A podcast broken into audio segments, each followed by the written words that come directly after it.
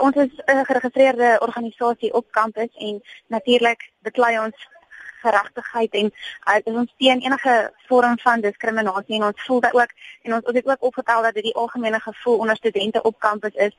Die meisies is verseker baie onregverdig hanteer en behandel omdat hulle glad nie ingeroep is regtig om hulle saak te stel nie en sonder dat daar ordentlik eers ondersoek ingestel is oor hoe waar hierdie feite is, is hulle sommer uit die koshuis uit geskort en van kampus af verwyder. So ons het gevoel dit is baie onregverdig en daarom het ons betrokke geraak en opgetree. En wat het julle betrokkeheid tot op hierdie stadium behels? Ons het hulle gratis reghulp aangebied en toe het ons ook met die meisies se ouers gister het ons saam met ons regspan hier onder in die Kaap het ons met hulle vergader en hulle het hulle saak aan die regspan gestel en die regspan sal dit van hier af verder vat. So op hierdie stadium wag ons om nog te hoor van die regspan wat presies nou verder. So is jy op pad hof toe? Kan jy 100% sê ja nie, kan ook nie vir op hierdie stadium sê nee nie. Daar is al definitief as dit dan nodig is regstappe geneem word.